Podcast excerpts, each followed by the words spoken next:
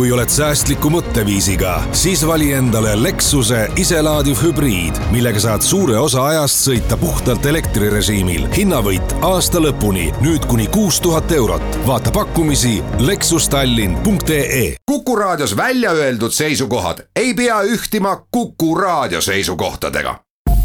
Te kuulate Kuku raadiot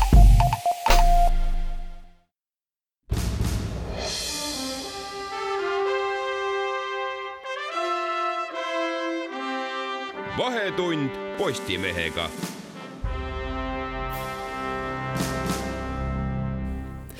tere, hea Kuku raadio kuulaja, eetris on Vahetund Postimehega, mina olen saatejuht Indrek Lepik poliitika on veel enne aasta lõppu läinud teravaks nii kõige kohalikumal tasandil kui ka globaalsel. meie oleme täna valinud välja kaks teemat. saate esimeses pooles räägime Lüganuse vallas, täpsemini Kiviõli esimeses keskkoolis toimuva üle kus armastatud koolijuht on kõigi arusaamiste järgi toodud ohvriks vallasisesele poliitvõitlusele.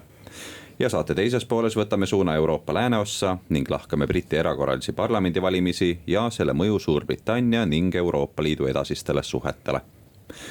aga esmalt kodumaalt Lüganuse vald lõpetas ametisuhte Kiviõli esimese keskkooli direktori Heidi Uustaluga ja selle peale korraldas koolipere eile hoiatusstreigi, milles asi täpsemalt nüüd räägimegi.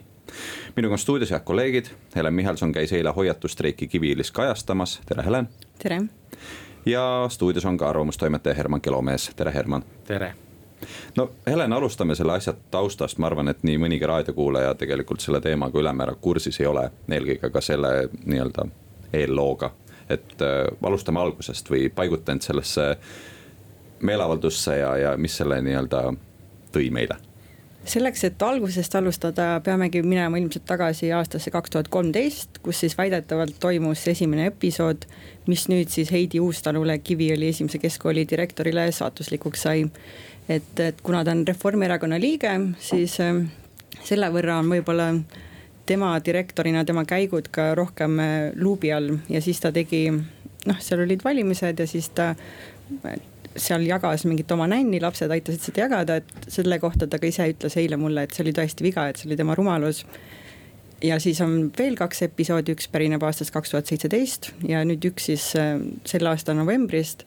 ja need kolm episoodi siis ongi kokku see, mille pärast on ta nüüd vallandatud.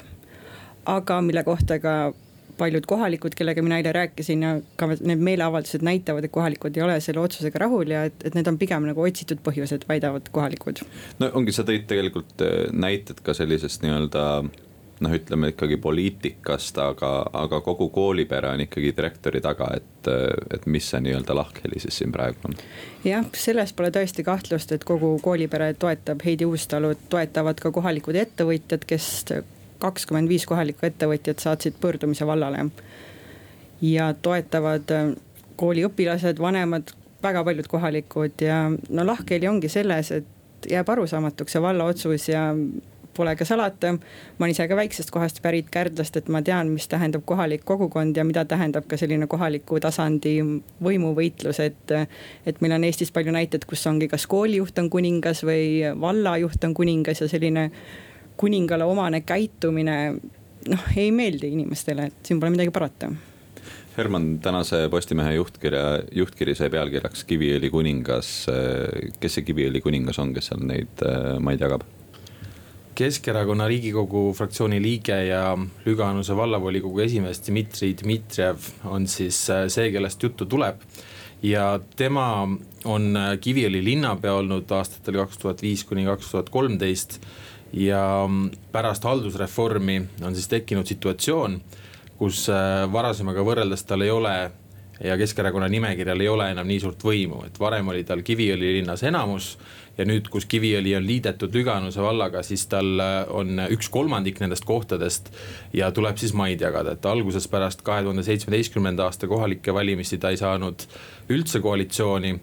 nüüd ta seal jällegi on, pärast kahe tooli seadust äh, võimaldatakse tal ka volikogu esimehena tegutseda. aga igal juhul äh, iga volikogu koht on seal arvel, praegult on seal siis äh, kümme häält koalitsioonil ja üheksa opositsioonil. üks volikogu liikmetest on ka direktor Heidi Uustalu, nüüd siis opositsioonis. ja, ja selle koalitsiooni on ta siis loonud koos Isamaaga. ja eks sellises ähm,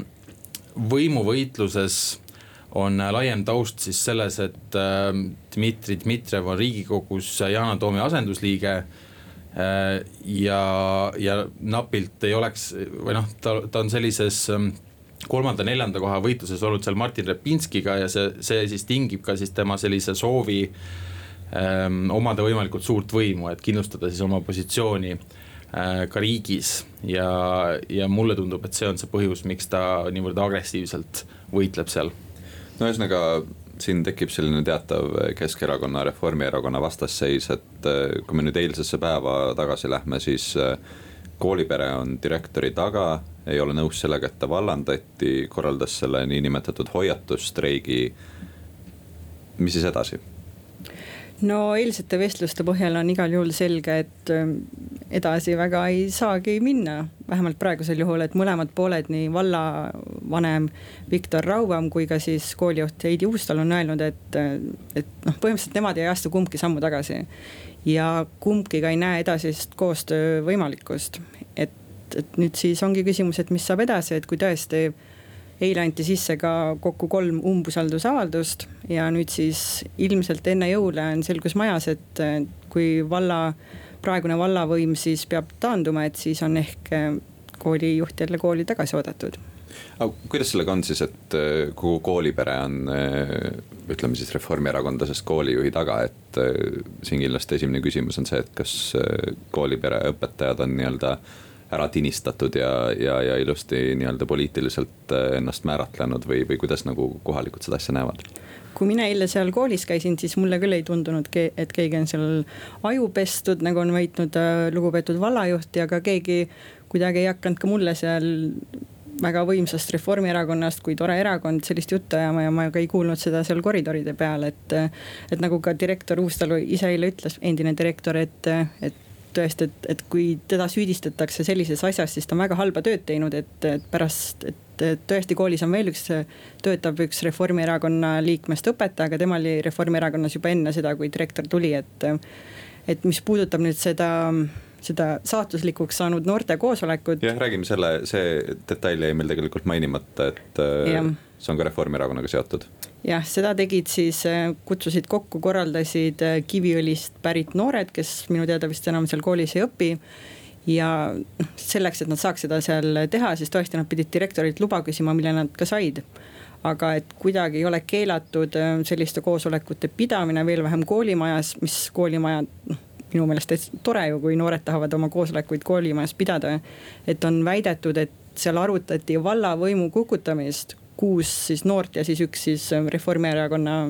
ka volikogu liige. et noh, ma ei tea,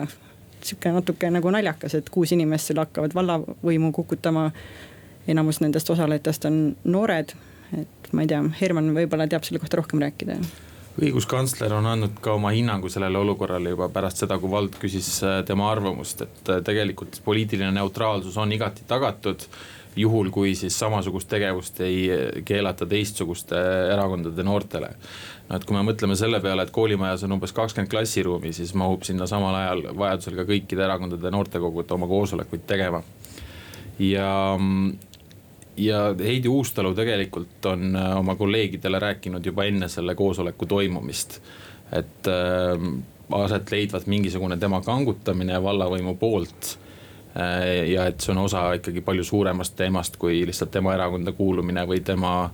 äh, temaga seotud erakonna noorte koosolekud seal koolimajas ja et talle tegelikult heidetakse ette ka, et kaks tuhat seitseteist valimiste eel toimusid äh, koolimajas siis sellised kohaliku tasandi poliitilised debatid. et see ei olnud ka nagu okei okay,, aga samal ajal need praegused vallajuhid kõik seal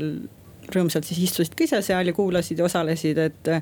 et noh tahes-tahtmata jääbki tunne, et need on otsitud põhjused. ja mis puudutab siis äh, sellist sisulist kooli toimimist, siis ma vaatasin, et detsembri algul saadetud pressiteates Lüganuse vallavanem siis just, justkui nagu heitis ka seda, et, et, et kooli tase on äh, kuidagi nagu langustendentsis aga samal ajal, kui ma eile rääkisin vallavanema, ma rääkisin ka valla haridusnõunikuga, kes on ise endine pikaaegne koolijuht, et äh, mulle jäi mulje, et mõlemad ütlesidki, et meil ei ole sisuliselt mitte mingeid etteheiteid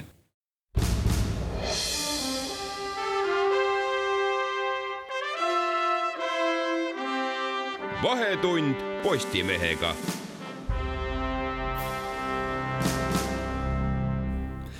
ja jätkab Vahetund Postimehega, stuudios on Helen Michelson, eh, Herman Kelomees ja Indrek Lepik ning räägime Kiviõli esimese keskkooli ümber lahvatanud eh, skandaalist. enne pausi, Herman, ma ei andnud sulle sõna, aga, aga nüüd ma hea meelega sulle selle annan, meil jäi jutt pooleli siis äh, jällegi selle koolipere enda nii-öelda sisemise korralduse, noorte ütleme siis mingil määral ka poliitilise osalemise ja, ja laiema sellise tegevuse ümber, et äh, jah, vald siin kasutab selliseid mõisteid nagu ajupestud ja manipuleeritud siis noorte kohta, kes avaldavad oma meelsust, noh ka nende kohta, kes seda koosolekut sinna pidama tulid. aga ka nende tegelikult mitmesaja noore osas, kes, kes vallavalitsuse ette protestima tulid. ja mulle tundub, et see on märk sellisest ähm, usaldamatusest noorte suhtes või, või siis uskumatusest, et noored võivad ka iseseisvalt mõelda ja, ja see ei ole nagu, see ei tee väga au äh, vallale, kes on koolipidaja, kes peab hoolitsema selle eest, et arendada noorte kriitilist mõtlemist, et need reeglid, kuidas poliitilisi debatte koolides pidada, kuidas poliitikast rääkida. Need on olemas, need on kirja pandud. seal on isegi sellised sõnad nagu poliitikast saab ja peab rääkima ja nagu Helen ütles, et kõik needsamad vallajuhid on ise ka selles koolis poliitilistel debattidel käinud, nii et selles mõttes tundub eriti silmakirjalik see põhjendus, et kuidagi toimub mingisugune poliitikasse tirimine no ja, ja kui me juba põhjendustest räägime, et siis tegelikult äh, vallajuhid ise on ju direktori vallandamist põhjendanud sellega, et äh, koostöö ei suju ja nii-öelda edasise rahumeelse koos eksisteerimise nimel on, on see parim valik, et, et see põhjendus on nagu viimasel ajal kuidagi palju kõlanud vähemalt teist korda me seda kuuleme, esimest korda siis, kui Mart Järvik vallandas kantsler Illar Lemetti maaelu, maaeluministeeriumist. ja oleks hea, kui see ei muutuks nüüd selliseks stamppõhjenduseks, et vallandada ükskõik mis põhjusel ükskõik keda, lihtsalt seetõttu, et koostöö puudub. Et alati saab öelda, et äh, koostöö ei ole lihtne või et meile ei meeldi teineteisega koostööd teha, aga võimupositsioonil olles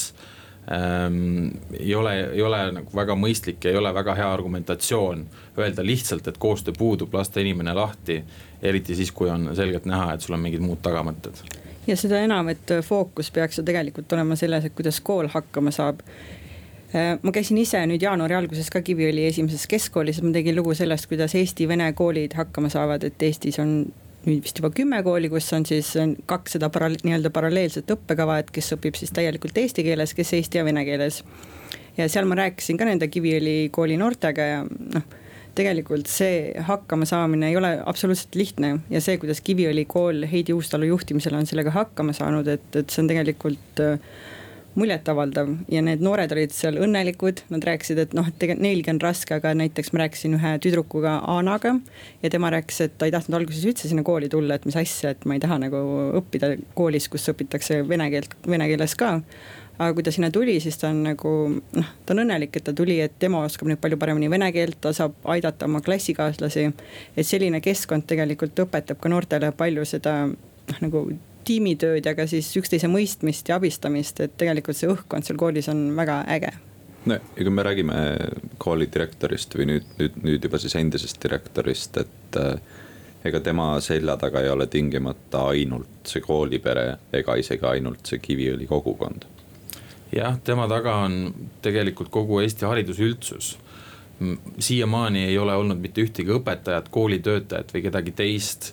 kes oleks vallategusid äh, takka kiitnud, kuigi vallavanem ütleb, et noh, et me ei näe seal tervet Lüganuse või Kiviõli kogukonda äh, läbi meedia, et on ka, on ka mingisugused muud nende positsiooni toetajad. me ei ole siiamaani ühtegi näinud, me oleme näinud väga paljudelt koolijuhtidelt toetavaid sõnumeid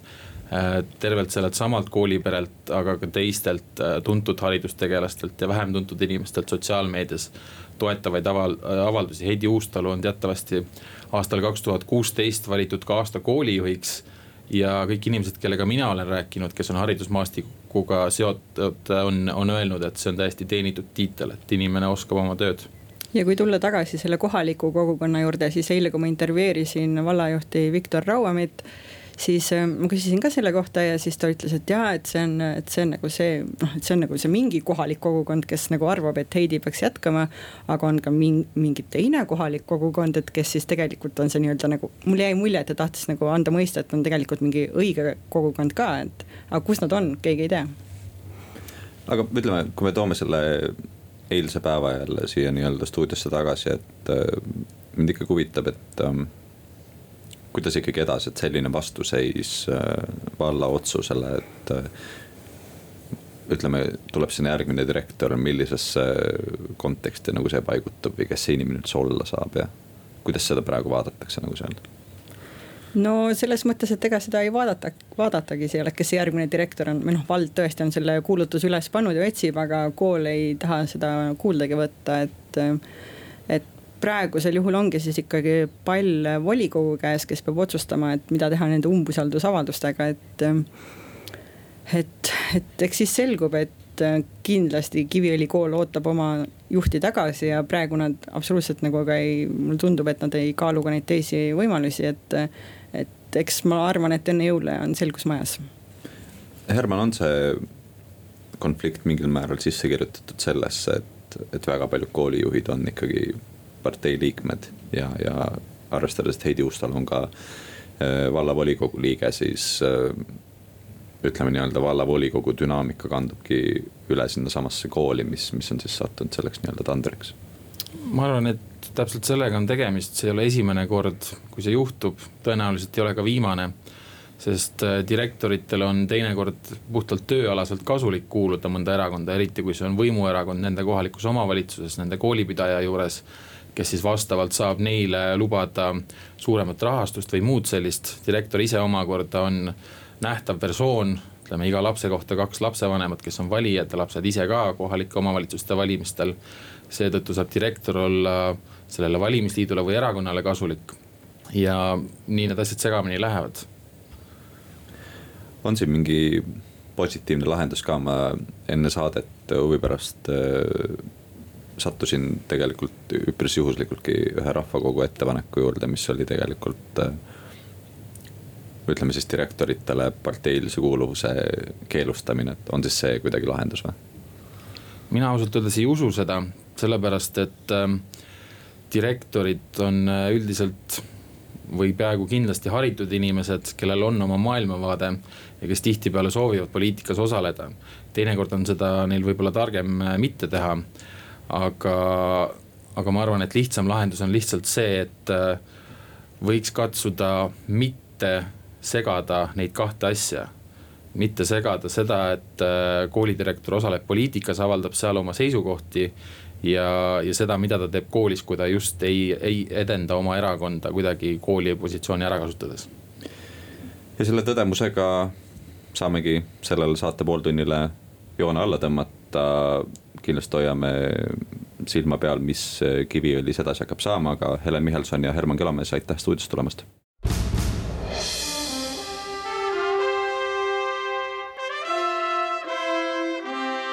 vahetund Postimehega.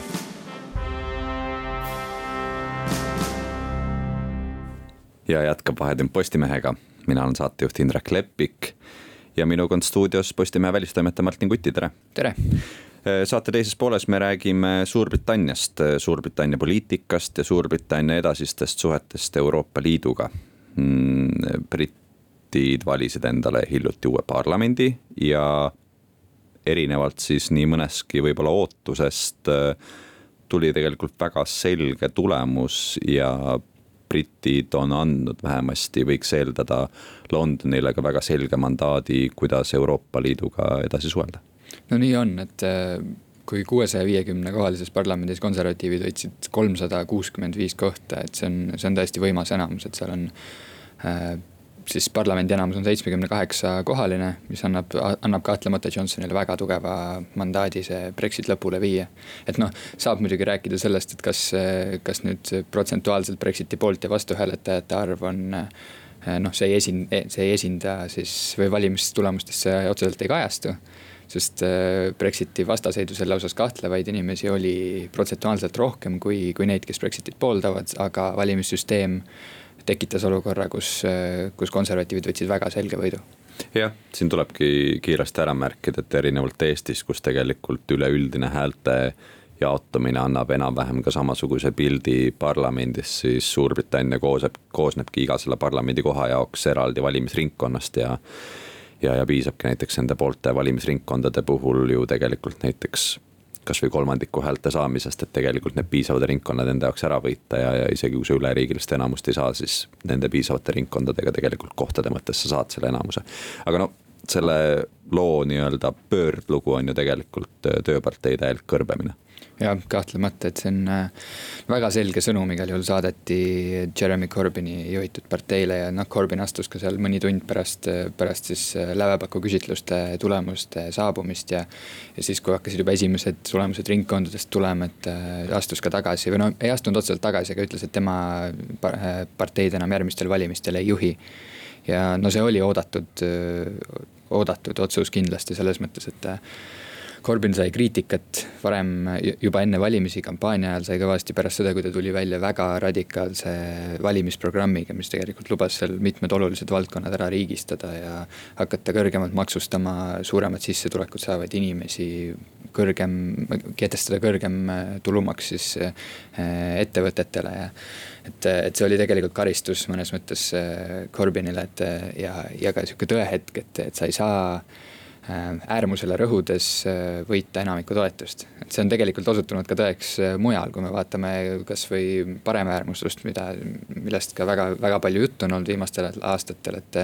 ja, ja paremäärmuslikud parteid on mõnel pool esile kerkinud, aga tihtipeale on see, et, et see nende toetusprotsent jääb kuskile kahekümne protsendi piirimaile ja sealt üle minna, et siis saada tõeliseks sihukeseks rahvaparteiks. et seda on päris raske teha ja seda ma arvan, et näitas ka,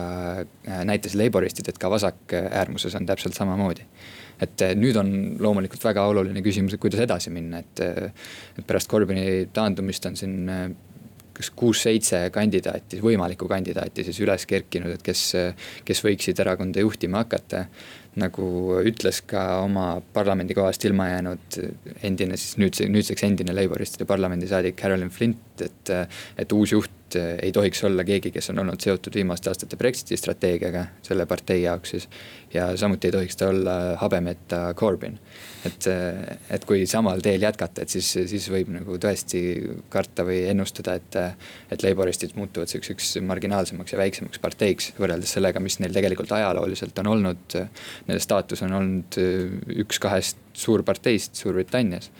et, äh, et kindlasti nad ei taha seda kaotada, seda staatust. Ja no kindlasti ka Brexiti strateegia, mida siis ka just mainisin, et see maksis kätte. ei suudetud võtta selget seisukohta,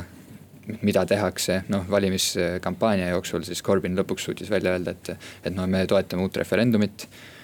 me tahaksime uue leppe välja rääkida Brüsseliga ja panna selle rahvahääletusele, aga, aga päris keeruline on, on minna kampaaniat tegema ja öelda, et noh, et me vaatame, mis saab, et, et, paneme selle hääletusele, et. et me ei tea täpselt, mida me seal Brüsselis välja räägime, aga me paneksime selle hääletusele, et. et selle sõnumiga on raske valijani jõuda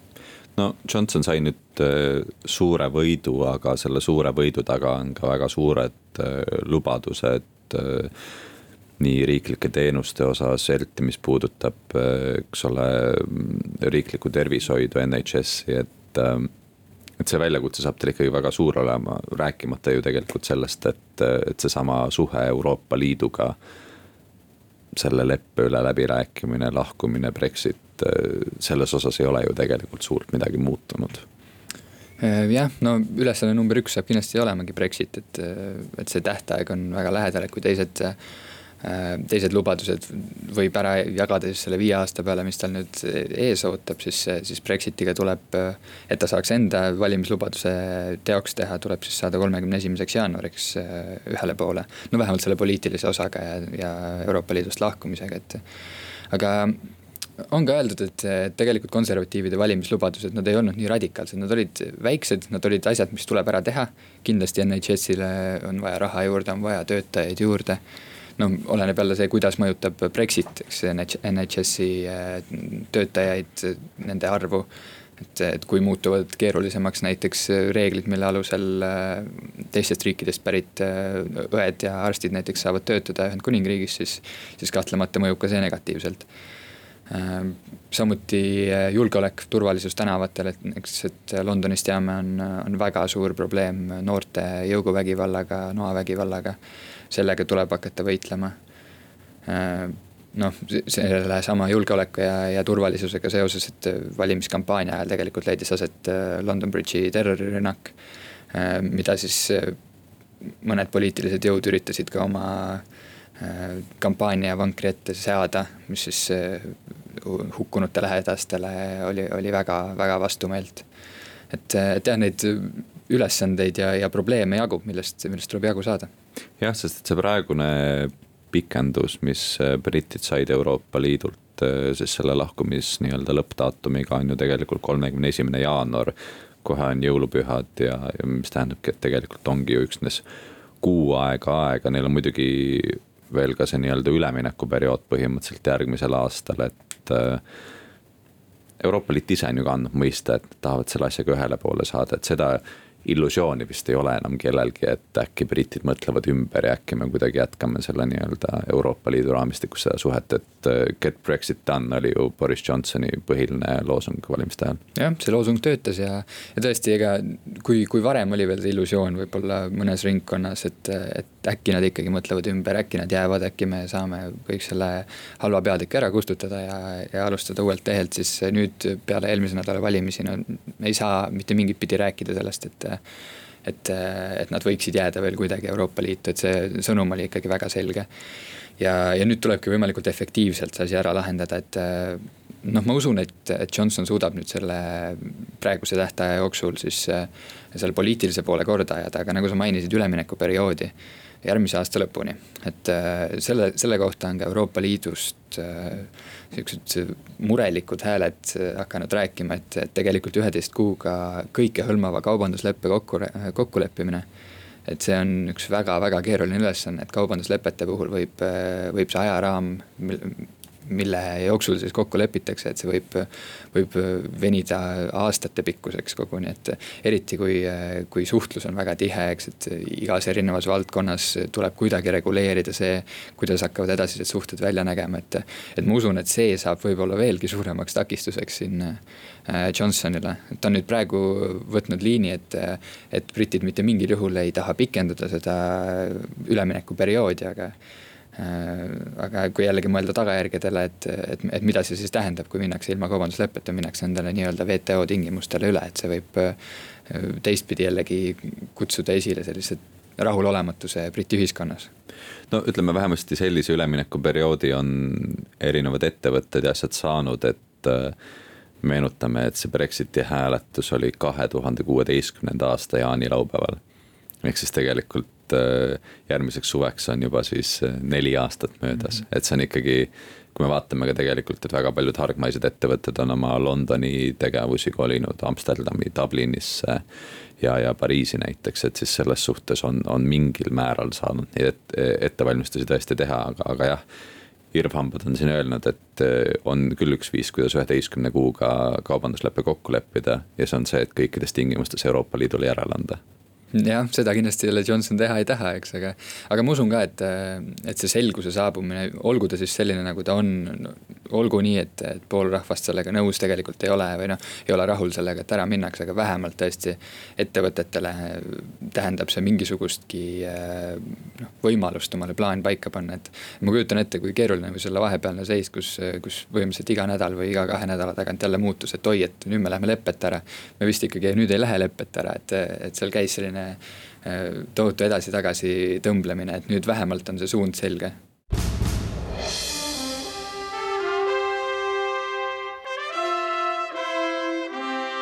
vahetund Postimehega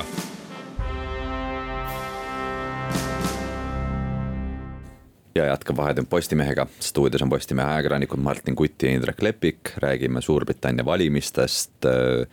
sellest, mis saab edasi, eelkõige meie vaatest eh, suhetega Euroopa Liiduga, aga, aga tegelikult ka Suurbritannia enda jaoks, et eh, mõneti oli ju Boris Johnsoni võit eh, selline inglaste võit, sellepärast et tegelikult me küll rääkisime, et valimisvõitlus oli, oli tööpartei ja, ja, ja konservatiivide vahel, aga tegelikult põhimõtteliselt kogu Šotimaa ulatuses võitis ju hoopis Šoti rahvuspartei. ja, ja, ja kui me meenutame, et viis aastat tagasi oli Šotimaal iseseisvusreferendum, siis sellest räägitakse ikkagi põhimõtteliselt kindlas kõneviisis praegu jah, šotlaste, noh rahvuspartei juht Nicolas Sturgeon võttis väga selgelt sellega kohe sisuliselt valimiste järgsel hommikul ja ka kui ma ei eksi, siis isegi kohe esimeses kõnes, mis ta pidas, võttis teemaks selle võimaliku iseseisvusreferendumi ja tema, tema hinnangul tõesti tuleb väga selgelt selles suunas liikuda, et et rahvas andis oma, oma kavatsustest või soovidest väga selgelt Šotimaal teada sellega, et, et nii konservatiivid kui laboristid ja tegelikult ka liberaaldemokraadid mingil määral tõrjuti sealt ära ja, ja, ja oma mõjuvõimu suurendati väga kõvasti, et et nagu ta märkis eilses kõnes siis, et, et konservatiivid on tegelikult kaotanud seitseteist seitsmeteistkümnel valimisel järjest noh, Westminsteri valimisel siis Šotimaal, et et, see tegelikult on märk sellest ja eriti nüüd see viimane kaotus, mis oli suur. et SNP, Šoti rahvuspartei oli kahtlemata nende valimiste üks, üks suurim võitja, konservatiivide kõrval siis. et see annab kindlasti märku sellest, et, et ollakse rahulolematud praeguse Brexiti poliitikaga, et, et šotlased ju tegelikult hääletasid ka ise Euroopa Liitu jäämise poolt jah, täpselt ja, ja kui siin veel omakorda meenutada seda kahe tuhande neljateistkümnenda aasta referendumit, siis toona oli see jõudude vahekord umbes viiskümmend viis, nelikümmend viis äh, Suurbritanniaga siis liitu jäämise poolt ja. ja ka tegelikult Londoni poolne kommunikatsioon oli toona see, et äh, jääge sellesse Ühendkuningriiki just selleks, et jääda Euroopa Liitu. no see olukord tegelikult juba siis kaks aastat hiljem muutuski ja, ja ütleme, Šotimaa jaoks on see Euroopa Liit äh, väga oluline, aga, aga üks teine tanner on, on vähemalt sama oluline, kui me räägime siin ka Brexiti kontekstis, siis Põhja-Iirimaa on, on ju selle ütleme, kogu leppe üks kõige problemaatilisemaid osi just seetõttu, et milliseks kujuneb see piir äh, Iirimaa Vabariigi ja, ja, ja siis Suurbritannia koosseisu kuuluva Põhja-Iirimaa vahel ja ja tegelikult ühe väga huvitava arenguna on eh, esimest korda üleüldse eh, saanud vabariigimeelsed või ütleme siis nii-öelda Iiri poliitika mõistes ka katoliiklased on saanud Põhja-Iirimaal enamuse, mis, mis omakorda võib, võib tuleviku mõistes tähendada nii mõndagi, et tegelikult see Põhja-Iirimaa enda poliitiline olukord ei, ei lahene veel niipea ja tegelikult Põhja-Iirimaal ei ole enda seda sihukest nii nagu Šotimaal on oma, oma valitsus, eks ole, Nicola Sturgeon on, on sealne niinimetatud esimene minister, et tegelikult Põhja-Iirimaal ei ole sellist valitsust juba, juba toimivat olnud kaua ja see kohalik parlament ka põhimõtteliselt koos ei käi, et, et selles mõttes on see Põhja-Iirimaa seisukord nagu vägagi keeruline, et ei unist-, unustada ju tegelikult seda, et eks see on omajagu soovmõtlemist, aga päris palju on räägitud ka sellest, et selleks, et Brexit toimiks, et samal ajal ka suure Reede lepe toimiks, äh, võiksid nii-öelda Iirimaad omavahel ühineda, et, et, et, et noh, ka sihukest juttu on, on, on käinud, aga, aga kui me veel nende šotlaste peale vaatame, et äh, kui tõenäoline on, et, äh, et tõesti Šotimaa lähebki seda iseseisvuse teed? no nüüd on, võib ilmselt oodata parajat lahingut Šoti rahvuspartei eh, juhtide vahel ja, ja ka nende rohkem iseseisvusmeelsemate poliitikute vahel ja siis äh, nende vastu tuleks siis äh, siis konservatiivide liidrid, et, Johnson ütles ka kampaania jooksul väga selgelt, et, et, et mingisugust uut referendumit ei tule, nüüd on pärast siis valimistulemusi hiljuti ütles Michael Gove, jälle konservatiivide kõrge poliitik, et, et, et referendumist meil juttu ei saa olla. Äh, väga huvitav oli valimiste ööl pärast tulemuste selgumist, kui BBC valimisstuudios püüdis äh, endise peaministri Theresa May äh, kaamera ette ja hakkas uurima Šotimaa kohta, et noh, et mis nüüd saab, et, et kas, kas tuleb uus, uus referendum, siis May soovitas küllaltki karmilt neile, et, et palun keskenduge sellele, kuidas Šotimaad valitseda, mitte ärge nõudke kogu aeg seda oma ühte küsimust, ühte seda referendumit ja iseseisvust taga. et see on noh ühest otsast on ta sihuke huvitav küsimus, et, et kas, et kui vaadata, et tegelikult aus ju oleks see, et, et kui, kui need senise liidu põhimõtted on, on pea peale pööratud tegelikult, et Euroopa Liidust minnakse minema, nüüd on see vägagi selge, et minnakse minema. et siis selles mõttes on šotlasi nina, ninapidi veetud natukene. et, et võib-olla oleks aus neile anda uus võimalus hääletada teisest küljest loomulikult tahetakse seda uniooni koos hoida, et, et see on sihuke väga tundlik küsimus kindlasti ja, ja sama nagu, nagu ka Põhja-Iirimaaga, et võib, võib ka äkki öelda, et, et need valimised tekitasid sellise ohu, ohu unioonile. jah, ja, ja, ja saate lõpetuseks tegelikult tahakski sellest äh, ohust unioonile rääkida selles võtmes, et äh, millele meie ka Postimehena oma laupäevases juhtkirjas tegelikult äh, rõhusime, on ikkagi see, et Eestil on vaja tugevat Suurbritanniat. meil on väga tugev ajalooline side, meil on praegu väga tugev side. Tapas on brittidel väga tugev väekontingent, et tegelikult see on, see on väga tugev suhe ja, ja selle hoidmine, sõltumata sellest, kuidas meie Euroopa Liitu suhtume, on ju väga oluline. jah, kindlasti, et meie vaatest ma arvan, et, et mõistlik olekski nagu nüüd leppida, kui ei ole varem lepitud sellega, et, et nad, et nad minema lähevad, leppida sellega nüüd. Äh, lasta neil äh, loomulikult oma, ehk siis Euroopa Liidu ja Eesti huve esindades lasta neil äh, minna selles mõttes ausatel tingimustel mõlema poole jaoks, et mitte tekitada sellist ebavajalikku hõõrdumist, ebavajalikku konflikti siin riikide vahel, mida tegelikult noh, ei ole, sellepärast et äh, pikalt on ju, oleme me suutnud ühises Euroopa Liidus koos eksisteerida, nemad otsustasid nüüd minna teist teed, aga aga see ei tähenda mitte mingit pidi seda, et, äh, et nende mõju peaks siin kahanema just ütleme, kaitsepoliitika mõttes ja ja et nad oleksid meile nüüd vähem sõbrad, kui nad, kui nad varem olid. Jah, nii et Eesti vaatest äh, hoiame brittidele ikkagi pöialt, aga Martin Kuti, suur tänu stuudiosse tulemast. aitäh. ja Suurbritannia välispoliitikal, sisepoliitikal ja, ja kõigel muul Eestiga suhetes äh, hoiame kindlasti silma peal, aga tänaseks äh, tõmbame saatele joone alla. järgmise nädala saade on meil selline aastat kokkuvõttev saade ja omakorda nädal hiljem puhkab ka Arvamustoimetus, aga seniks kuulmiseni.